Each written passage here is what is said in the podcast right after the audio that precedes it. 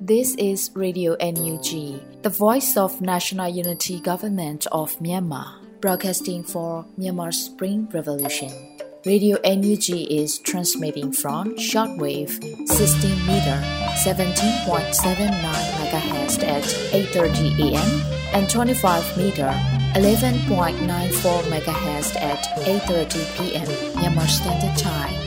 မင်္ဂလာပါရှင်။ မြို့သားညီညွတ်ရေးအစိုးရရဲ့အတန်လွင့်ဌာန Radio NUG ကိုမနက်ပိုင်း၈နာရီခွဲမှာလိုင်းတူ16မီတာ19.89 MHz ၊ညပိုင်း၈နာရီခွဲမှာလိုင်းတူ25မီတာ17.6 MHz တို့မှာဓာတ်ရိုက်ဖမ်းယူနိုင်စေနိုင်ပါတယ်ရှင်။မင်္ဂလာအပေါင်းနဲ့ပြည့်စုံကြပါစေ။အခုချိန်ကစပြီး Radio NUG အစီအစဉ်လေးကိုဓာတ်ရိုက်အတန်လွှင့်ပေးနေပါပြီရှင်။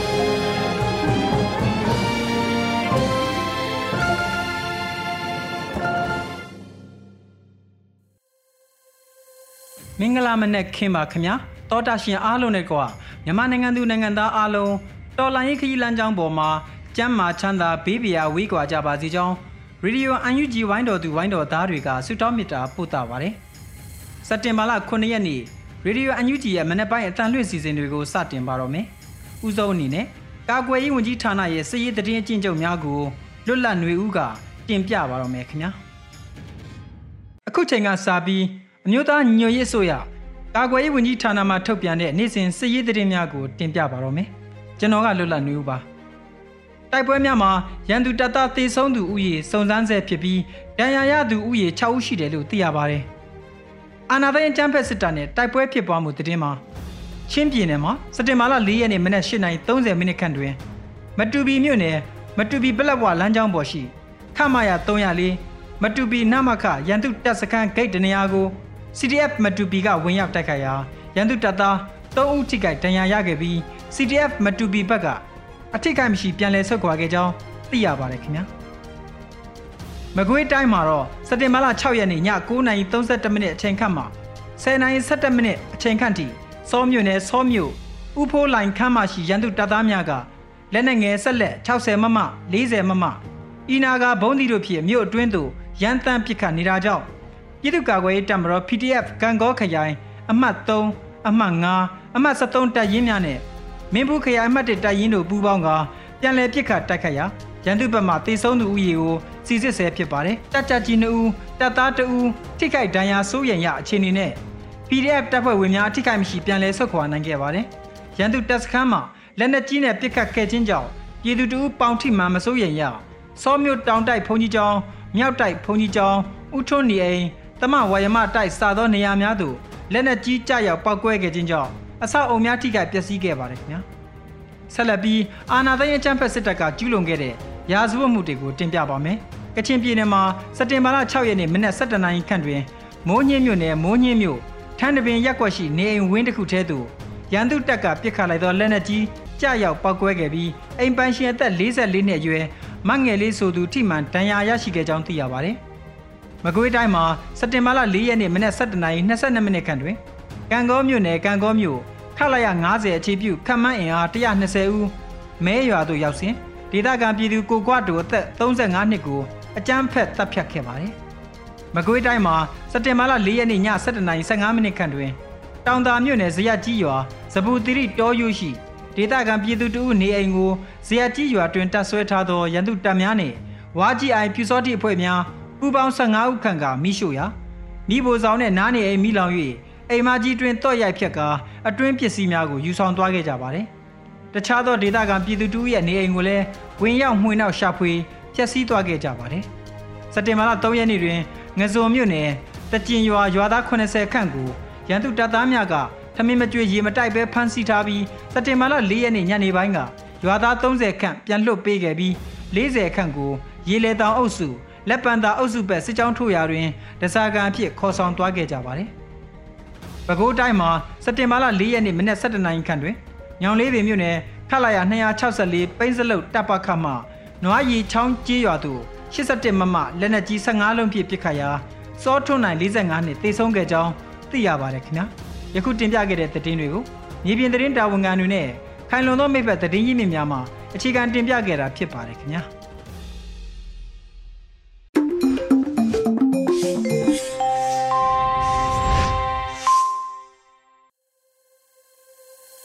စစ်ရေးသတင်းများကိုနားဆင်ခဲ့ရတာဖြစ်ပါတယ်အခုတခါပြည်တွင်းသတင်းများကိုတော့ຫນွေဦးမိုင်ကတင်ပြတာနားဆင်ရပါမယ်ခင်ဗျာမင်္ဂလာပါရှင်အခုချိန်ကစပြီးရေဒီယို UNG ရဲ့2023ခုနှစ်စက်တင်ဘာလ9ရက်နေ့မနက်ခင်းပြည်တွင်သတင်းများကိုဖတ်ကြားပေးပါတော့မယ်ကျွန်မကတော့ຫນွေဦးမိုင်ဖြစ်ပါရရှင် အကြံဖက်စစ်ကောင်စီကဦးဆောင်ကျင်းပမိအာဆီယံအဖွဲ့ဝင်လေတက်ကာကွယ်ဦးစီးချုပ်များညီလာခံကိုပါဝင်တက်ရောက်ခြင်းအဖြစ်သိရန်ပြည်တော်စုလွှတ်တော်ကိုစားပြုကော်မတီတောင်းဆိုတိုက်တွန်းတဲ့သတင်းကိုဥစွာတင်ပြပေးချင်ပါတယ်။အကြမ်းဖက်စစ်ကောင်စီကဦးဆောင်ကျင်းပမိအာဆီယံအဖွဲ့ဝင်လေးတက်ကားကွယ်ဦးစီးချုပ်များညီလာခံကိုပါဝင်တက်ရောက်ခြင်းအဖြစ်သိရန်ပြည်အောင်စုလွှတ်တော်ကိုစားပြုကော်မတီကစက်တင်ဘာ6ရက်မှာတောင်းဆိုတိုက်တွန်းလိုက်ပါတယ်။ အာဆီယံအဖွဲ့ဝင်နိုင်ငံများ၏လေးတက်ကာကွယ်ဦးစီးချုပ်များညီလာခံအား2023ခုနှစ်စက်တင်ဘာလ12ရက်နေ့မှ15ရက်နေ့ထိမြန်မာနိုင်ငံနေပြည်တော်တွင်တရားမဝင်အာဏာသိမ်းစစ်ကောင်စီကအင်ရှင်အဖြစ်လက်ခံကျင်းပမိဖြစ်ပြီးအာဆီယံဖွဲ့ဝင်နိုင်ငံများမှလေးတက်ဦးစီးချုပ်များကိုယ်စားလှယ်များတက်ရောက်ရန်ရှိကြောင်းပြည်ထောင်စုလွှတ်တော်ကိုစားပြုကော်မတီအနေဖြင့်လေးလာသိရှိရပါတယ်လို့ဖော်ပြပါရယ် လက်ရှိမြန်မာနိုင်ငံတွင်လွတ်လပ်ပြီးတရားမျှတသောရွေးကောက်ပွဲမှတဆင့်ပြည်သူလူထုကရွေးကောက်တင်မြှောက်ထားသောအယက်သားအစိုးရအားပုံကန်၍ဥပဒေနဲ့ညီညွတ်မှုမရှိဘဲအာဏာလူယူမှုကိုကျူးလွန်ခဲ့သည့်မြောင်လှိုင်ကောင်းဆောင်သည့်အကြမ်းဖက်စစ်ကောင်စီသည်နိုင်ငံတော်အာဏာကိုချုပ်ကိုင်နိုင်ရဲ့အတွက်နိုင်ငံတော်ဝန်၌ပြင်းထန်သောလေကြောင်းတိုက်ခိုက်မှုများပါဝင်စစ်ရာဇဝတ်မှုများလူမဆန်သောတပ်ဖြတ်မှုများလူသားမျိုးနွယ်အပေါ်ကျူးလွန်သည့်ရာဇဝတ်မှုများနဲ့ အကြမ်းဖက်မှုပုံစံမျိုးမျိုးဖြင့်ပြည်သူများအပေါ် တိုးမြင့်ကျူးလွန်နေသည့်အချိန်အခါဖြစ်တယ်လို့ဆိုပါတယ်။ဤသို့သောချင်းနှင့်အချိန်အခါတွင်အထက်ပါငီလာခံကိုအာဆီယံအဖွဲ့ဝင်နိုင်ငံများမှပါဝင်တက်ရောက်ခြင်းသည်တရားမဝင်စစ်ကောင်စီအကြမ်းဖက်တပ်ဖြတ်တိုက်ခိုက်မှုများဆက်လက်ကျူးလွန်ခြင်းကိုအားပေးရရောက်ခြင်းကြောင့်အဆိုပါငီလာခံကိုပါဝင်တက်ရောက်ခြင်းအဖြစ်သိမ်းပေးရန်ပြည်သူလူထုကိုစားပြုမှုကိုတရားဝင်ရရှိထားသည့်ကျွန်ုပ်တို့မြန်မာလွှတ်တော်ကိုယ်စားလှယ်များအနေဖြင့်မြန်မာပြည်သူများကိုစားအာဆီယံအဖွဲ့ဝင်နိုင်ငံများသို့လေးလေးနက်နက်တိုက်တွန်းလိုက်ပါတယ်လို့ဆိုပါတယ်။အာဆီယံဒေသတွင်ပြည်သူများဖြစ်သည့်မြန်မာပြည်သူများအပေါ်လူမဆန်သောအကြမ်းဖက်မှုများကျူးလွန်နေသည့်ရာဇဝတ်သားစစ်ကောင်စီနှင့်ယခုကဲ့သို့ထိတွေ့ဆက်ဆံနေခြင်းပူပေါင်းဆောင်ရွက်နေခြင်းတို့သည်အကြမ်းဖက်မှုနှင့်ဒေသတွင်မတည်ငြိမ်မှုကိုပုံမဥတီစေနိုင်ကြောင်းမိမိတို့အနေဖြင့်အထူးသတိပေးလိုတယ်လို့ပြည်ထောင်စုလွှတ်တော်ကိုစားပြုကော်မတီကဖော်ပြပါရရှင်။ ဆက်လက်ပြီးကြားကာလဒေသန္တရပြည်သူ့အချုပ်ရေးဖော်ဆောင်မှုဗဟိုကော်မတီနဲ့မန္တလေးတိုင်းမကွေးတိုင်းမြို့နယ်ပြည်သူ့အချုပ်ရေးအဖွဲ့များတွေ့ဆုံဆွေးနွေးပွဲပြည်တော်စုဝင်ကြီးနိုင်သူဝနာတက်ရောက်တဲ့တဲ့ရင်ကိုတင်ပြပါမယ်။အမျိုးသားညီညွတ်ရေးအစိုးရကြားကာလဒေသန္တရပြည်သူ့အချုပ်ရေးဖော်ဆောင်မှုဗဟိုကော်မတီနဲ့မန္တလေးတိုင်းမကွေးတိုင်းမှမြို့နယ်ပြည်သူ့အချုပ်ရေးအဖွဲ့များတွေ့ဆုံဆွေးနွေးပွဲအစည်းအဝေး 30မြင်းဆောင်2023ကိုစက်တင်ဘာ6ရက်မှာကျင်းပခဲ့ပါတယ်။အစည်းအဝေး၌ဂျာကာလာဒီတန္တရပြည်သူ့ချုပ်ရေးဖော်ဆောင်မှုဘိုးကော်မတီအဖွဲ့ဝင်အလုသမားဝင်ကြီးဌာနပြည်တော်စုဝင်ကြီးနိုင်ထွန်းပေခေါ်နိုင်သူဝနာမှတက်ရောက်အဖွဲ့မှစကားပြောကြားခဲ့ပါတယ်။ထို့နောက်ဝင်ကြီးဌာနများမှဌာနနှင့်သက်ဆိုင်သည့်လုပ်ငန်းများအားမှာကြားဆောင်ရွက်ခဲ့ပြီးမြို့နယ်ပြည်သူ့အုပ်ချုပ်ရေးအဖွဲ့ဝင်များမှမူဝါဒလိုက်ငင်ချက်များလုပ်ငန်းဆောင်ရွက်ချက်များမိပြည့်အခက်ခဲများနှင့်ပတ်သက်၍ သိရှိလိုသည့်များကိုမေးမြန်းခဲ့ကာဝင်ကြီးဌာနမှတာဝန်ရှိသူများမှပြန်လည်ဖြေကြားခဲ့ပါတယ်။ဆိုပါတွေ့ဆုံပွဲသို့ပြောင်စုဝင်ကြီးများဒုတိယဝင်ကြီးများအမြဲတမ်းအတွင်းဝင်များတွဲဖက်အတွင်းဝင်များဌာနဆိုင်ရာများမှတာဝန်ရှိသူများနဲ့မန္တလေးတိုင်းမကွေးတိုင်းမှမြို့နယ်ပြည်သူ့အုပ်ချုပ်ရေးဖွဲ့ဝင်များတက်ရောက်ခဲ့ကြပါတယ်ရှင်။မြန်မာနိုင်ငံကအကြမ်းဖက်စစ်တပ်ဟာနိုင်ငံရီးယာရဲ့30ရာခိုင်နှုန်းလောက်ကိုသာထိန်းချုပ်ထားနိုင်တော့တယ်လို့ တီမောလက်စတေးနိုင်ငံသမရဆိုတဲ့သတင်းကိုဆက်လက်တင်ပြပါမယ်။မြန်မာနိုင်ငံကဂျမ်ဖက်စစ်တပ်ဟာနိုင်ငံဥရိယာရဲ့30ရာခိုင်နှုန်းလောက်ကိုသာထိန်းချုပ်ထားနိုင်တော့တယ်လို့တီမောလက်စတေးနိုင်ငံသမရဂျိုးစ်ရမော့စ်ဟော်တာက AI ဂျဇီရာသတင်းဌာနမေးမြန်းမှုမှာပြောဆိုခဲ့ပါတယ်။ဒီစစ်ပွဲကိုမြန်မာစစ်တပ်အနိုင်ရစရာအကြောင်းမရှိပါဘူး။အခုဆိုရင်သူတို့ဟာနိုင်ငံဧရိယာရဲ့30ရာခိုင်နှုန်းလောက်ကိုသာထိန်းချုပ်ထားနိုင်မှာတော့တယ်။လွန်ခဲ့တဲ့နှစ်20လောက်ကစစ်ပွဲတွေဟာ အမျိုးသားစစ်တပ်တွေကြားမှာဖြစ်ခဲ့ပါတယ်။ဒီနေ့တော့ပြည်သူတွေနဲ့စစ်တပ်ကြားမှာပေါ်ပေါက်လာပါပြီ။ပြီးတော့စစ်တပ်ကအနိုင်ရမှာမဟုတ်ပါဘူး။ကျွန်တော်မျှော်လင့်ထားတာကတော့ရုရှားနဲ့မြောက်ကိုရီးယားတို့စီကမြန်မာကိုစစ်လက်နက်တွေထောက်ပံ့နေတဲ့ကိစ္စရပ်တန့်သွားဖို့ပါပဲလို့ဆိုထားပါတယ်။လက်ရှိမှာဂျမ်ဖက်စစ်ကောင်စီတပ်ဖွဲ့ဝင်3000ကျော်တေဆုံးထားပြီးမြေပြင်စစ်စင်ရေးများတွင်ရှုံးနှိမ်မှုများပြလျက်ရှိပါတယ်ရှင်။ CDM တဦးနှွေဦးထီတဆောင်ထောက်ပို့ကမ်ပိန်း CDM များစင်ရှိနေသမျှကာလပတ်လုံးထီလက်မှတ်နဲ့ဂုံပြူလွှာများဆက်လက်ပေးပို့နေမယ်လို့ဆိုတဲ့သတင်း CDM တဦးနှွေဦးထီတဆောင်ထောက်ပို့ကမ်ပိန်း CDM များစင်ရှိနေသမျှကာလပတ်လုံးထီလက်မှတ်နဲ့ဂုံပြူလွှာများဆက်လက်ပေးပို့နေမယ်လို့စက်တင်ဘာ6ရက်မှာ CDM Success Committee မှဦးဥက္ကာကပြောပါရယ်အခုကျွန်တော်တို့လက်ထဲမှာ CDM 2သိန်းခွဲစင်ရှိတဲ့ဒါတွေကိုထီလက်မှတ်ပေးပြီးရင် ပြီးသွားတာပဲမဟုတ်ပဲ CDM တဦးချင်းစီကိုသူတို့အတွက်ဂုံပြူပို့စကတ်နဲ့တကွတလေးတစားပေးအပ်သွားမှာဖြစ်ပါတယ်။ဒီကမ်ပိန်းဟာ CDM တွေစင်းရှိနေသမျှဆက်လက်ပေးအပ်သွားမှာဖြစ်တယ်။ကမ်ပိန်းပြီးသွားမှာမဟုတ်ဘူးလို့ဆိုပါတယ်။ CDM Success Committee တို့ပူးပေါင်းဆောင်ရွက်သော CDM တဦးຫນွေဥတီတဆောင်ချင်းမြင့်သည့်အစီအစဉ်တွင်2023ခုနှစ်ဇူလိုင်လຫນွေဥတီအပတ်စဉ်21တွင်တသိန်းစု5စုကို MOH MOE MR တို့မှပေါက်ပြီး 15သိန်းစုတစုကို MOE မှ CDM များကန်ထူခဲ့ကြပါတယ်။အောင်လန်လွန့်ချီနွေဦးထီအပတ်စဉ်22ဩဂတ်လတွင်7သိန်း100စုကို CDM တဦးကန်ထူပြီး15သိန်းစု3စု5သိန်းစု15စုတသိန်းစုက69ဦးကန်ထူခဲ့ကြပါတယ်။ထီလက်မှတ်ရဖို့က CDM ဝန်ထမ်းအနေနဲ့သက်ဆိုင်ရာဝန်ကြီးဌာနမှာအမိစင်းပေးထားဖို့စင်းသွင်းထားဖို့လိုပါတယ်။ ဒါဆိုရင်သူကထီလက်မှတ်ရဖို့90ရာခိုင်နှုန်းသေချာပါရဲ့လို့ CDM Success Committee ကတာဝန်ရှိသူတို့ကထပ်မံပြောပါရယ် CDM တဦးຫນွေဦးထီတဆောင်ချင်းမြင့်သည့်ကမ်ပိန်းကိုမိသူမဆိုပါဝင်နိုင်ပြီး CDM ဝန်ထမ်းများအတွက်ထီလက်မှတ်ဆယ်ဆောင်နဲ့အထက်ဝယ်ယူအားပေးသူအားကော်မတီကလက်ဆောင်ပို့စကများပြန်လည်ပေးပို့မှာဖြစ်ပါတယ် CDM Success Committee တို့ပူးပေါင်းဆောင်ရွက်သော CDM တဦးຫນွေဦးထီတဆောင်ချင်းမြင့်သည့်အစီအစဉ်တွင်ထီလက်မှတ်တွေကိုဝင်ကြီးဌာနမှရှိတဲ့ CDM တွေကိုခွဲတန်းအလိုက်ကော်မတီကပြန်လည်ပေးပို့လည်ရှိပါရရှင်။စင်ကိုမျိုးနယ်ရွှေပြည်ရဲကင်းကိုကာကွယ်တပ်များနဲ့ပူပေါင်းမဟာမိတ်အဖွဲ့တို့ကဝန်ရောက်စီးနှင်တိုက်ခိုက်ကြရာကနဦးပစ်ခတ်လိုက်သော RPG 2G ရန်သူစခန်းတွင်သို့တဲမစွာကြရောက်တဲ့တရင်စက်တင်ဘာ6ရက်မှာစစ်ရေးတရင်ကို မိုးခုဗျူဟာအမှတ်1222တရင်ကအတီးပြုတ်ပါတယ်။စင်ကုန်းမြို့နယ်ရွှေပြည်ရဲကင်းကိုစက်တင်ဘာ9ရက်နေ့ည7:00နာရီခန့်တွင်မိုးကုတ်ဗျူဟာအမှတ်1222တရင်စစ်ဒေသ1တရင်တစ်ခုနဲ့စင်ကုန်းမြို့နယ်ပကဖပူပေါင်းမဟာမိတ်အဖွဲ့တို့ကဝင်ရောက်စီးနင်းတိုက်ခိုက်ကြရာမိမိတို့ဘက်မှကနဦးပစ်ခတ်လိုက်သော RPG 2G သည်ရန်သူစခန်းတွင်သို့တဲမစွာကြရောက်ခဲ့ပြီးနောက်လက်နက်ငယ်များဖြင့်ဒရဆက်ပစ်ခတ်ခဲ့ပါတယ်လို့ဆိုပါတယ်။ထို့နောက်ပဒိုင်လေးလုံး ထောက်တွဲ40မမ3လုံးဖြင့်ပစ်ခတ်ခဲ့ပြီးရန်သူဖက်မှ40မမလက်နက်ငယ်များဖြင့်ပြန်လည်ပစ်ခတ်ခဲ့ပါတယ်။ရွှေပြည်ရဲကင်းသည်မန္လေးမို့ကုတ်ကားလမ်းမှပေါ်ရင်တည်ရှိပြီး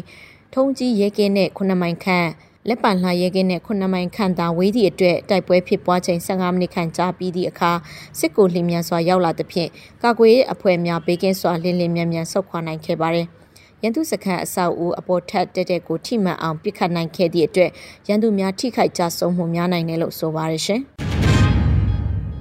မင်းကင်းမြို့နယ်လမ်းစုံ EPC ရုံး၌အထိုင်ချထားသောစစ်ကောင်စီတပ်ဖွဲ့ဝင်များကိုကာကွယ်တပ်ဖွဲ့များတိုက်ခတ်၍စစ်ကောင်စီတပ်ဖွဲ့ဝင်2ဦးသေဆုံးက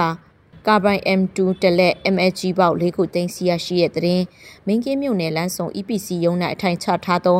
စစ်ကောင်စီတပ်ဖွဲ့ဝင်များကိုကာကွယ်တပ်ဖွဲ့များတိုက်ခိုက်၍စစ်ကောင်စီတပ်ဖွဲ့ဝင်2ဦးသေဆုံးက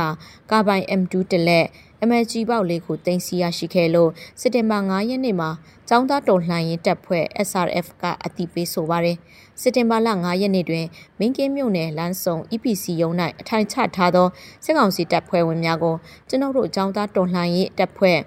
SRF ရင်းနှစ်ခွဲနှင့်တိမ်လွှာတောင်းမင်းပကဖမင်းကင်းမြို့နယ်ပကဖ Wolf Fighter နဲ့ LDF တို့ပူးပေါင်းတိုက်ခိုက်ခဲ့ပါတယ်လို့ဆိုပါတယ်။ကာကွယ်ရေးတပ်ပေါင်းစုမှအထိခိုက်မရှိပြန်လည်ဆုတ်ခွာနိုင်ခဲ့ပြီးရန်သူဘက်မှကာဘိုင် M2 တလက် MLG ပေါက်လေးခုရရှိပြီးစစ်ကောင်စီတပ်ဖွဲ့ဝင်2ဦးသေဆုံးခဲ့ပါတယ်ရှင်။ CDM နဲ့ Pre-CDM လို့ဖို့နှိုးဆော်တဲ့စာအဆောင်ပေါင်း2300ကိုရန်ကုန်နဲ့မန္တလေးကအထင်ကြီးနေရာတွေမှာဖြန့်ဝေခဲ့တဲ့တဲ့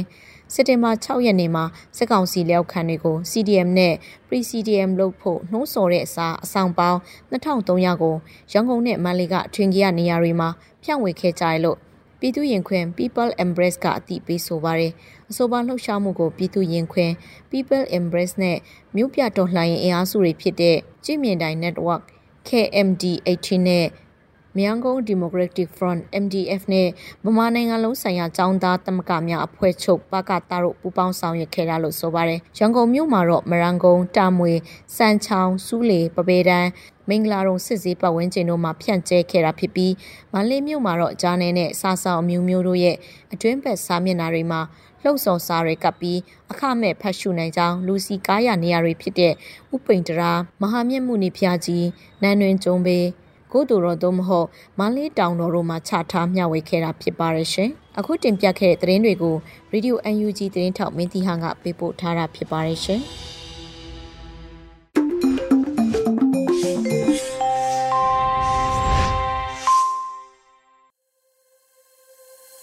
စက်တင်ဘာလ9ရက်နေ့ Radio UNG ရဲ့မနက်ပိုင်းအတန်လွင့်စီစဉ်နေဖြစ်ပါတယ်။အခုတခါလှည့်ကြတာကတော့တော်လိုင်းကြီးကြပြအစီအစဉ်ဖြစ်ပါတယ်။ကြည်ပွားဦးရေးသားပြီး ຫນွေဦးမိုးဖတ်ကြားထားတဲ့တယ်လီဖုန်းမိသားစုဆိုတဲ့တော်လိုင်းကြီးကြပြတဲ့ပုတ်ကို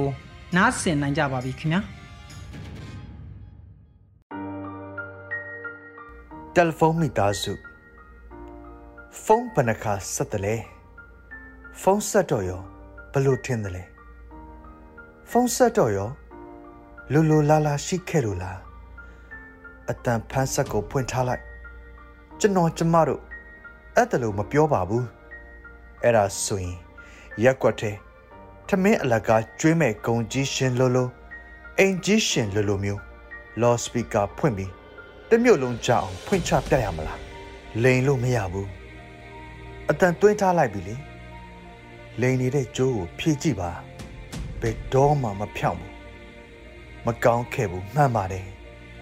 မှားခဲ့တယ်မနေ့တနေ့ကမှခံစားမှုကိုရခဲ့တာမဟုတ်ပါဘူး ကောင်းတာကဘယ်ရှိလာနိုင်ပါမလဲမနက်9နာရီထိုးကြတဲ့ကကြီးကန်းအုပ်ဟာလေဟုံကိုကန့်လန့်ဖြက်စီးပြီးအော်ဟစ်ပြန်တန်းသွားကြသေးတယ်အိမ်ထဲမှာကြောင်ပြောက်နေတယ်ဒါပေမဲ့ကြောင်ချီးကတော့အခုထိနန်းနေတော့မယ်အစကပြန်ပြောရရင် ဖုန်းပနခါဆက်တယ်လေဖုန်းဆက်တော့ရောဘလို့ထင်တယ်လဲ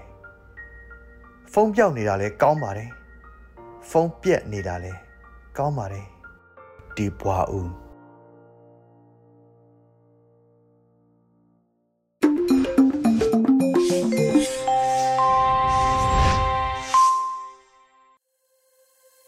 တော်လိုင်းရေးကြပြာကိုနားဆင်ကြကြတာဖြစ်ပါတယ်အခုဆက်လက်ပြီးထုတ်လွှင့်မှာကတော့မြန်မာနွေခရိုနီကယ်ရဲ့စက်တင်ဘာလ9ရက်နေ့သတင်းမြင်ကွင်းဖြစ်ပါတယ်။ online ပေါ်မှာသတင်းအချက်အလက်များနဲ့မြေပြင်ကအခြေအနေဆိုတဲ့ခေါင်းစဉ်နဲ့သတင်းဆောင်ပါကို လွတ်လပ်နွေဦးကပဲတင်ပြပါဦးမယ်ခင်ဗျာ။မြန်မာနွေဦးခရိုနီကယ်စက်တင်ဘာလ9ရက်နေ့မြင်ကွင်း online ပေါ်မှာသတင်းအချက်အလက်များနဲ့မြေပြင်ကအခြေအနေခေါင်းစဉ်ပါသတင်းမြင်ကွင်းဆောင်းပါးမှာခုလိုရေးသားဖော်ပြထားတာကိုဖတ်ကြားတင်ပြပါမယ်။ social media ပေါ်မှာယနေ့မြန်မာနိုင်ငံရေးအခြေအနေနဲ့ပတ်သက်တဲ့ဆွေးနွေးမှုတစ်ခုအကြောင်းကိုလူသိများသူတစ်ယောက်ကမှတ်ချက်ရေးထားတဲ့ post တစ်ခုကိုဖတ်လိုက်ရပါတယ်။ဆွေးနွေးပွဲမှာပါဝင်ဆွေးနွေးသူများရဲ့ မြန်မာနိုင်ငံရေးနဲ့ပတ်သက်တဲ့သုံးသပ်ချက်ရှေ့လားလာကို post ရေးသူကပြန်လည်နှစ်ချုပ်ကထောက်ခံရေးသားတဲ့ post ဖြစ်ပါတယ်။အဆိုပါ post အောက်တွင်မှတ်ချက်ပေးသူတဦးက online ပေါ်မှာသတင်းတွေအချက်လက်တွေနဲ့ပြောနေကြတာအဲ့ဒါကိုအမှန်လို့ယူဆသလားဟုရေးထားသည်ကိုဖတ်လိုက်ရသည်။သူထောက်ပြသည့်အချက်သည် internet ခေတ် information နည်းပညာခေတ်၏ပြရုပ်တစ်ခုဖြစ်ကာမြန်မာနိုင်ငံရေးကိုလေ့လာသုံးသပ်ကြရာတွင်တတိပြုရမည့်အချက်ဖြစ်သည်မြန်မာနိုင်ငံရဲ့နိုင်ငံရေးစစ်ရေး လူသားချင်းစာနာထောက်ထားမှုပညာရေးကျန်းမာရေးစောင့်ရှောက်မှုစီးပွားရေးစသည့်အကြောင်းအရာပေါင်းစုံနဲ့ပတ်သက်၍နေ့စဉ်လိုလိုဝေဖန်ချက်ဆန်းစစ်သုံးသပ်ချက်တွေအကဲဖြတ်ချက်တွေမြန်မာဘာသာနဲ့ရောအင်္ဂလိပ်ဘာသာနဲ့ပါအမျိုးမျိုးမြင်တွေ့ဖတ်ရှုနေကြရမှာဖြစ်သည်။တမယိုးကြမီဒီယာဟုခေါ်သည့်သတင်းဌာနတွေအွန်လိုင်းသတင်းစာတွေအွန်လိုင်းနဲ့ဂျိုဒုမှတဆင့်ထုတ်လွှင့်သည့်ရုပ်သံများတွင်လည်းဖတ်ရှုကြားသိရမှာဖြစ်တယ်လို့ဆိုရှယ်မီဒီယာလို့ခေါ်ဆိုတဲ့ Facebook, Twitter, Instagram, Telegram, TikTok, VK, YouTube စရှိသည့် platform များ၌လည်းတမယိုးကြမီဒီယာများကတင်သည့်သတင်းတွေအချက်လက်များအပြင်သတင်းသမားမဟုတ်သည့်လူသိများကြော်ကြားသူတဦးချင်းတင်ကြပြောဆိုထုတ်လွှင့်ကြသည့် channel တွေကအများပြားမှုလိုပေါက်နေကြပြီးနေ့စဉ်လိုလိုမျှဝေကြကြည့်ရှုနားထောင်ကြနဲ့ပြည့်တက်ဖို့ information ခြံကြသည့်ခေတ်မှာနေထိုင်ကြရသည့်သဘောလည်းဖြစ်သည်ဆိုလိုသည့်အချက်ကိုပြန်ချုပ်ရရင်အချက်လက်ဖောင်းပွရှံကြနေသည့်ခေတ်မျိုးတွင်မူဝါဒအဆုံးဖြတ်သူများ အများပြည်သူကိုအနှစ်ချုပ်ဝေဖန်ကာအကဲဖြတ်ချက်ထောက်ပံ့ပေးနေသူများတနည်းအားဖြင့်လမ်းညွှန်နေသူများဖို့သမယိုးကြမီဒီယာပလက်ဖောင်းများနဲ့ social media platform များမှာသတင်းအချက်အလက်များကိုသာအားကိုးပြီးအကဲဖြတ်ခြင်းဝေဖန်ခြင်းဆုံးဖြတ်ခြင်းမပြုကြဖို့ဆိုလိုရင်းဖြစ်သည်အာနာသိန်းစစ်တပ်၏ဖမ်းဆီးမှုအကျဉ်းချမှုတပ်ဖြတ်မှုတွေကြောင့်သတင်းသမားသူတေသနသမားအရက်ဖက်အဖွဲ့အစည်းအစရှိသည့်မြေပြင်တွင်လူထုနှင့်ထိတွေ့ကာအချက်လက်မေးမြန်းကောက်ယူသူများနဲတက်ထက်နဲပါလာက ဆိုရှယ်မီဒီယာပေါ်တူးချင်းရေးသားဖော်ပြချက်များကိုသာအားကိုးကြရသည့်အခြေအနေကပို၍ပို၍များပြားလာနေခြင်းဖြစ်ရာသတင်းဌာနများသူတေသနအစည်းအဝေးခန်းစာရေးသားသူများသည်လည်းတိကျသည့်အချက်လက်များဆန်းစစ်ထားသည့်အချက်လက်အဆိုများကိုရရှိရန်ပုံမခက်ခဲလာနေသည့်သဘောဖြစ်သည်မြေပြင်တွင်အမှန်တကယ်ဖြစ်ပွားနေသည့်အချက်လက်များကိုသေချာစွာမစစ်ငုနိုင်ပဲအွန်လိုင်းပေါ်အင်တာနက်ပေါ်မှသတင်းအချက်လက်များကိုသာအခြေခံပြီးဆုံးဖြတ်သည်ဆိုပါလျင် အဆိုပါဆုံးဖြတ်ချက်များအကဲဖြတ်ချက်များမှာမြေပြင်အခြေအနေနဲ့ကွဲလွဲနိုင်ခြင်းအရေးအတွက်သာမကအရေးအသွေးရပါကွဲလွဲနိုင်ခြင်းများလာပြီဖြစ်သည်လေလာသုံးသပ်သူတွေတင်မကမူဝါဒချမှတ်သူတွေယနေ့မြန်မာနိုင်ငံရေးကိုပဲ့ကိုင်နေရတွင်တာဝန်ယူနေသူတွေကမိမိတို့ကိုယ်ပိုင်တည်င်းအချက်လက်များစုဆောင်းသည့်စနစ်ရှိလားဆိုဒီမှာအရေးကြီးသည့်မေးခွန်းဖြစ်သည်အကယ်၍များမရှိခဲ့ဘူးဆိုပါလျင်အထက်ကပြောသလိုသတင်းဌာနတွေကဖော်ပြသလို social media တွေပေါ်မှာလူဖတ်များသည့် post တွေအကြောင်းအရာတွေနောက်လိုက် follower များသူတွေကရေးသားသည့်အကြောင်းအရာတွေကိုဖတ်ရှုနားဆင်ပြီးစစ်ဆေးအတီးပြုတ်ထားသည့်အချက်လက်တပွဲမှတ်ယူကာဆုံးဖြတ်ချက်ချမှတ်နေကြသည့်ဆိုပါကမတိကျသည့်အချက်လက်ပေါ်အခြေခံကချမှတ်သည့်ဆုံးဖြတ်ချက်ကမြေပြင်တွင်မြည်သည့်အကျိုးသက်ရောက်မှုတက်ရောက်မည်ဆိုသည်ကိုပြောစရာမလိုတော့အောင်သိပြီးဖြစ်မည်ထင်ပါသည်ထို့အပြင်အဆိုပါဥဆောင်မှုနောက်ယုံကြည်စွာလိုက်ပါနေရသည့်လူထုအနေဖြင့်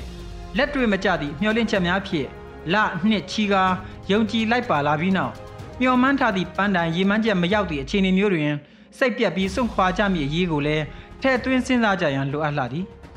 နိုင်ငံရေးရေမှန်းချက်များပန်းတိုင်များကို marketing promotion လုပ်သူတွေလိုမစားရဝခမန်းပြောဆိုစည်းရုံးခြင်းထက်လက်တွေ့ကြုံတွေ့ရမည့်အခက်အခဲများကြော်ဖြတ်ရမည့်အတားအဆီးများကိုအသိပေးထားခြင်းအခြေအနေမှန်ကိုအသိပေးကာဖြေရှင်းရမည့်ပြဿနာများကို ဖုံးကွယ်မျက်နှာလွှဲခြင်းမပြုဘဲအသိပေးဖြေရှင်းခြင်းတို့ဖြစ်သောစစ်အာဏာရှင်စနစ်ဖယ်ရှားရေးအတွက်မှန်ကန်သည့်စည်းရုံးရေးနှင့်ဥဆောင်မှုလည်းဖြစ်သည်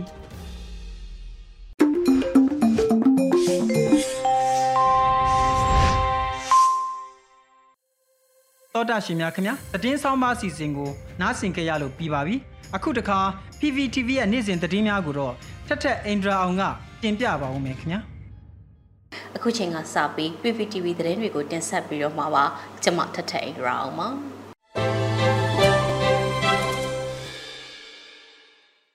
ပထမဆုံးတင်ဆက်ပေးမှာကတော့ပြည်သူ့ရဲတပ်ဖွဲ့နဲ့ဇကိုင်းမကွေပြည်သူ့လုံခြုံရေးအဖွဲ့များတွဲဆုံဆွေးနွေးတဲ့တဲ့မှာ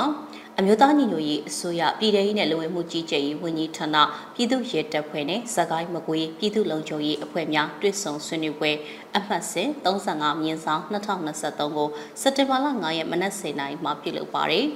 အစည်းအဝေးမှာပြည်ထောင်နဲ့လူဝင်မှုကြီးကြပ်ရေးဝန်ကြီးဌာနအမြဲတမ်းအတွင်းဝန်က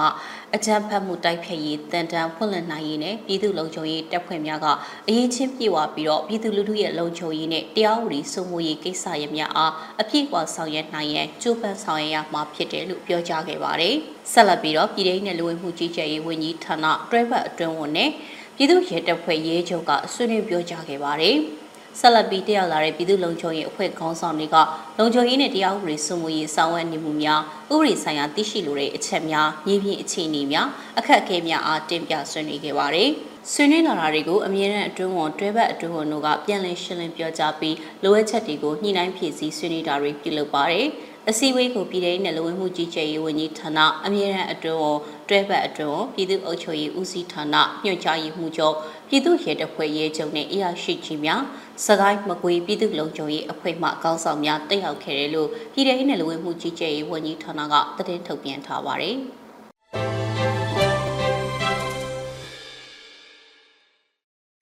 အခုဆက်လက်ပြီးတင်ဆက်ပေးမှာကတော့အကြမ်းဖက်စစ်တပ်ကိုလက်နက်နဲ့ရဲမငွေတွေမထောက်ပံ့ဖို့ဘာမကမ်ပိန်း UK တောင်းဆိုလိုက်တဲ့သတင်းကိုတင်ဆက်ပေးမှာပါ။ အိန္ဒိယနိုင်ငံဟာအကြမ်းဖက်မြန်မာစစ်တပ်ကိုလက်နက်ရောက်ချပေးတာတွေနဲ့ဝင်ငွေရရှိစေဖို့ရဲမငွေထောက်ပံ့ပေးနေတာတွေကိုချက်ချင်းရပ်တန့်ဖို့အတွက်ဘာမကမ်ပိန်း UK ကတောင်းဆိုထားတာပါ။မြန်မာနိုင်ငံမှာအကြမ်းဖက်စစ်တပ်အာဏာသိမ်းဖို့စတင်ကြိုးပမ်းခဲ့တဲ့2021ခုနှစ်ကတည်းကအိန္ဒိယနိုင်ငံဟာမြန်မာအကြမ်းဖက်စစ်တပ်စီကို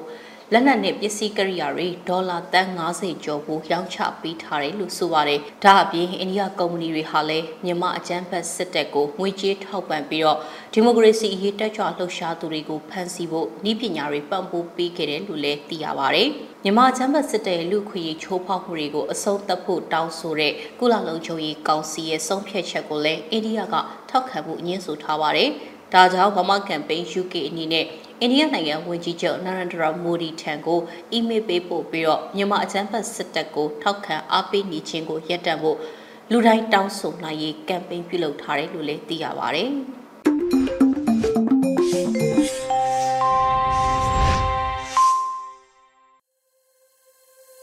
PPTV ရဲ့နေ့စဉ်သတင်းများအစီအစဉ်ဖြစ်ပါတယ်။အခုတခါစက်တင်ဘာလ9ရက်နေ့ရဲ့မနေ့ပိုင်းအတန်လွင့်စီစဉ်နောက်ဆုံးစီစဉ်နေနဲ့တော်လိုင်းတေးဂီတာအစီအစဉ်ကို တင်ဆက်ဖို့စီစဉ်ထားပါတယ်။အများနီးဒူဆိုတဲ့တော်လိုင်းတေးသချင်းကတော့တေးရေးတေးဆိုနေဗလာရဲ့အနုပညာလက်ရာတစ်ပုဒ်ဖြစ်ပါတယ်ခင်ဗျာ။နားဆင်ခံစားတော်မူကြပါ။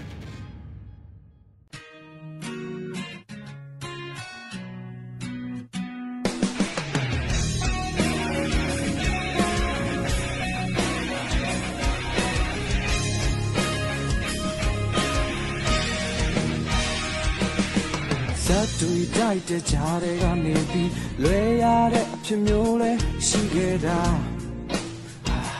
ဘာဝမကြဟိုပြစ်တွေမရှိပါကြားတွေကနေပြီးငုတ်ခံရတဲ့ချိန်မျိုးလဲရှိခဲ့တာဒါတရားလား no ချပါတော့ကွာမောင်က လင်းပြပြဟိုရှိမှာအခွဲပြပါမိုးနဲ့မြေသာကြိုးစားထားအညာနာနီပဲကွာလူလာခွင့်ရှိတာမဆိုင်ကူရမေရဘဝသတ်တူချနိုင်တာညာနာနီပဲကွာ ဆုံးရှုံးခြင်းမရှိတာတော့ဒါတရားနဲ့ဆင်ခြင်ပြီးတော့လင်းဖျောက်ပါ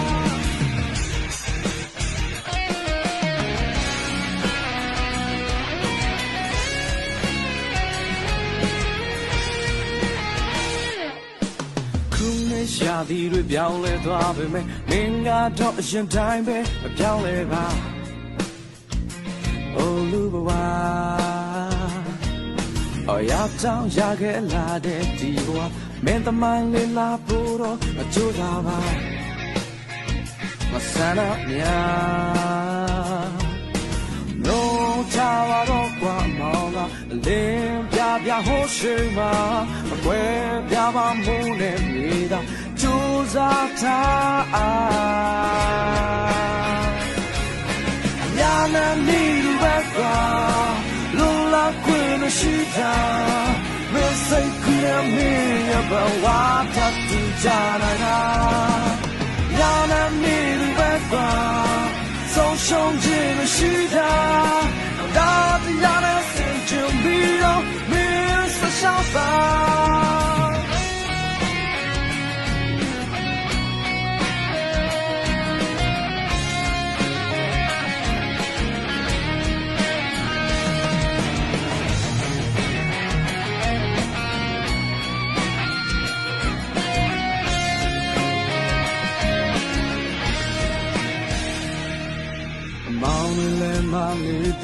သူတယောက်သေးပါမောင်လည်းမမေသူတယောက်သေးပါမောင်လည်းမမေသူတယောက်သေးလား